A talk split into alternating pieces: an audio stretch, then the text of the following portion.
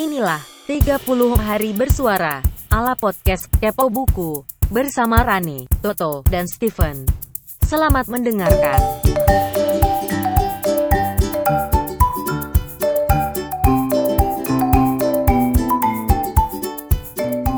Oke, hari kedua enam. Kata kuncinya adalah takdir. Ngomong-ngomong soal takdir, eh, apakah Steven masih menakdirkan ngirimin gua makanan kue-kue Natalnya? Alah, maksa. Serius, Devon. Gue masih penasaran di Ambon masa nggak ada yang makanan khas Natal sih, Ven? apa ya di- diem kan dia. paling paling ini ya kue kering lah Oh, kue kering. kue kering iya Bagea, bagea ada nggak bagea? bagian tuh tetap ada karena dia oleh-oleh kan sejenis oleh-oleh juga dan makanan harian lah kalau misalnya ada yang mau sarapan gitu Tapi yang jadi ciri khas di keluarga lo kalau Natal apa? Kalau makanan? ya paling khasnya tuh ini eh, makan bareng gitu ngumpul makan bareng Padahal yang gue tanya sih makanannya, tapi nggak apa-apa enak juga itu. Ngebayangin. Oke, takdir. Siapa yang mau duluan? Kata aku aku ada Takdir. Ah, Steven, Steven ada. duluan tadi. Ah. Steven, Steven. Evan. Ya. Su- sorry Mas Toto aku ada satu judul buku yang benar-benar bersentuhan sama takdir nih buku yang paling berkesan juga buat aku di tahun ini Hmm. Judulnya itu Mutiara di Padang Ilalang. Buku ini tuh adalah buku memoirnya dari Teja Bayu, anaknya Hmm. dari Sujoyono. Memoir yang berkesan buat aku karena beliau tuh melukiskan pengalaman hidupnya sebagai tahanan politik dan ditulis tuh secara secara padanya, secara secara mengesankan gitu deh. Kenapa kenapa namanya takdir? Apa ada ada unsur takdirnya di situ atau gimana? Nah, karena apa ya? Karena apa yang beliau lewati tuh seperti takdir yang nggak bisa diingkari gitu loh. Dan ya Hmm. udah, namanya juga hidup ya. Dibilangin sama ibunya Mia Bustam. Oke, itu perlu dibaca juga. Oke, takdir, Toto, takdir, Toto. Takdir yang terlintas dalam pikiran gua impromptu lagi adalah Sultan Takdir Ali Sabana lah. Ah, lu ngambil gua punya gua lu. Gak bisa. Ini ya memang Sultan Takdir Ali Sabana angkatan lu. Cuman kan gua salah satu pembaca ketika zaman buku-buku SMA dulu gitu Ah. kan. Ya. Ya jadi udah, ya, mau ya? ngomongin Sultan Hmm. Takdir Ali Syahbana, karena gua juga udah nyiapin itu. Apa bukunya Sultan Takdir Ali Syahbana? Sultan Takdir Ali Sabana yang yang pernah gue baca ya layar berkembang. Pa- Tapi kalau setelah gue lihat-lihat ya, setelah gue lihat-lihat eh, berkunjung ke balai pustaka atau kayak gitu-gitu, ternyata eh, terus eh, browsing-browsing internet kayak gitu-gitu, ternyata bukunya dia tuh banyak ya. Yoi. Cuman eh, banyak kan paling kita cuma tahu layar berkembang. Terus apa lagi? Eh, zaman SMA kita baca apa? Dian yang tak kunjung padam. Dia tak kunjung padam atau tak putus di rundu malang. Tapi dia banyak sebenarnya karya-karya yang lain gitu yang yang juga non fiksi ya. Cuman Betul. biasanya kita kalau kata Sultan Takdir Sabana biasanya yang kita pikirkan adalah karya sastranya dia gitu. Tuh, Ah, gue pengen ngumpulin lagi ya. Kayaknya sekarang Balai Pustaka juga nyetak buku-buku dia lagi nggak sih ya? Coba gue cari deh. harusnya dicetak lagi. Di Gramedia Digital kayaknya ada beberapa deh. Ada ya, ada beberapa ya. Iya, buat teman-teman yang belum kenal atau belum pernah berkenalan, eh, Sultan Takdir Ali Syahbana ini adalah salah satu wah sastrawan senior kita. Eh, Mm-mm. dia ini angkatan pujangga baru kali ya, levelan-levelannya Armin Pane gitu kan ya. Mm-mm. Oke, Betul, betul. dapet gile. Eh, Steven lu pernah baca bukunya Sultan Takdir nggak? Sepertinya belum. Belum pernah, Van? Oh. Iya, belum. Lu harus baca, Van.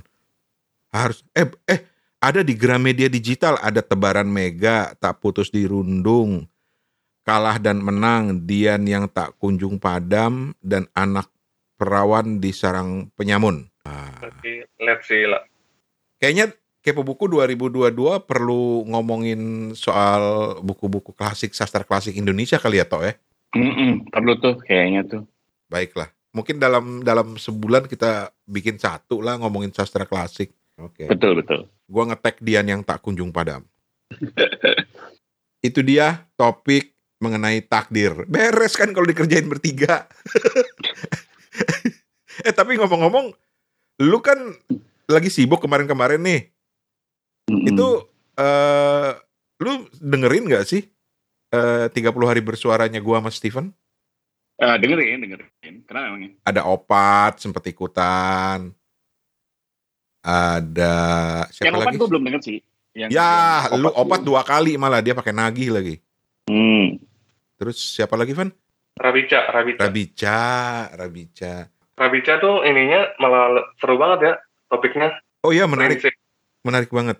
Kalau misalnya Mas Toto sempat didengar tuh eh, prinsip mereka tuh dalam membuat toko buku tuh Mm-mm. untuk apa ya? Untuk meregenerasi pemikiran ulama ya. Kalau nggak Ya. salah ya Bang Rane. Betul, betul. Reserve. Hmm. Bahkan sampai Rabica cerita tentang ada perpustakaan di Mesir yang berdebu gitu ya. Terus di situ ada ditemuin beberapa karya-karya eh, karya-karya ulama Indonesia yang ditulis dalam bahasa Jawi. Kita dengerin ulang sedikit cuplikannya ya. Yang mau dengerin lengkap sih silakan lihat di 30 hari bersuara episode 11. Kita dengerin ya, kita dengerin.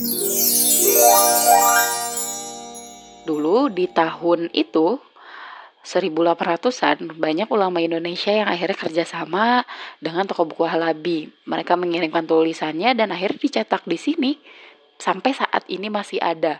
Dan nggak cuman di Indonesia, nggak cuman karangan ulama Indonesia. Toko Halabi juga mengoleksi banyak sekali buku-buku dari negara lain. Indonesia, Malaysia, Singapura. Halo Om Toto, Singapura. Ulama Singapura juga banyak ngirimin eh, karyanya ke toko buku ini. Termasuk ulama-ulama Thailand. Hai Om Rane. Di sini banyak banget bukunya di toko buku Halabi. Brunei juga begitu. Dan khasnya, walaupun eh, ulama-ulama Indonesia itu bikin buku eh, khususnya tentang agama Islam ya, tentang pelajaran agama Islam, itu ditulisnya dengan aksara pegon. Aksara pegon itu em, tulisannya bisa bahasa Jawa, bahasa Indonesia atau bahasa bahasa Sunda, tapi ditulis dengan tulisan Arab kayak gitu. Itu yang disebut dengan pegon dan tercetak di Kairo Mesir ini tercetak. Dan paling banyak karya ulama Indonesia yang ada di toko buku ini itu ada karyanya eh, Maulana Syekh Nawawi Banten. Kalau orang Thailand, Syekh Abdullah Daud Al-Fatoni. Beliau dari Fatoni, dari em, Thailand. Ada juga karangan Syekh Mukhtar Biraden Nata Negara dari Bogor. Coba hai orang Bogor yang lagi dengerin. Nih kalian harus bangga loh. Salah satu orang Bogor eh, karyanya dicetak di Kairo ini.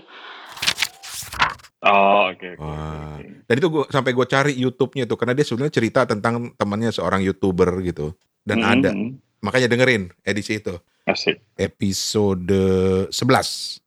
Oke, kita masuk ke hari 27. Ah, tapi bukan hari ini. Besok, tungguin besok. Kita balik lagi di 30 hari bersuara ala Kepo Buku hari ke-27.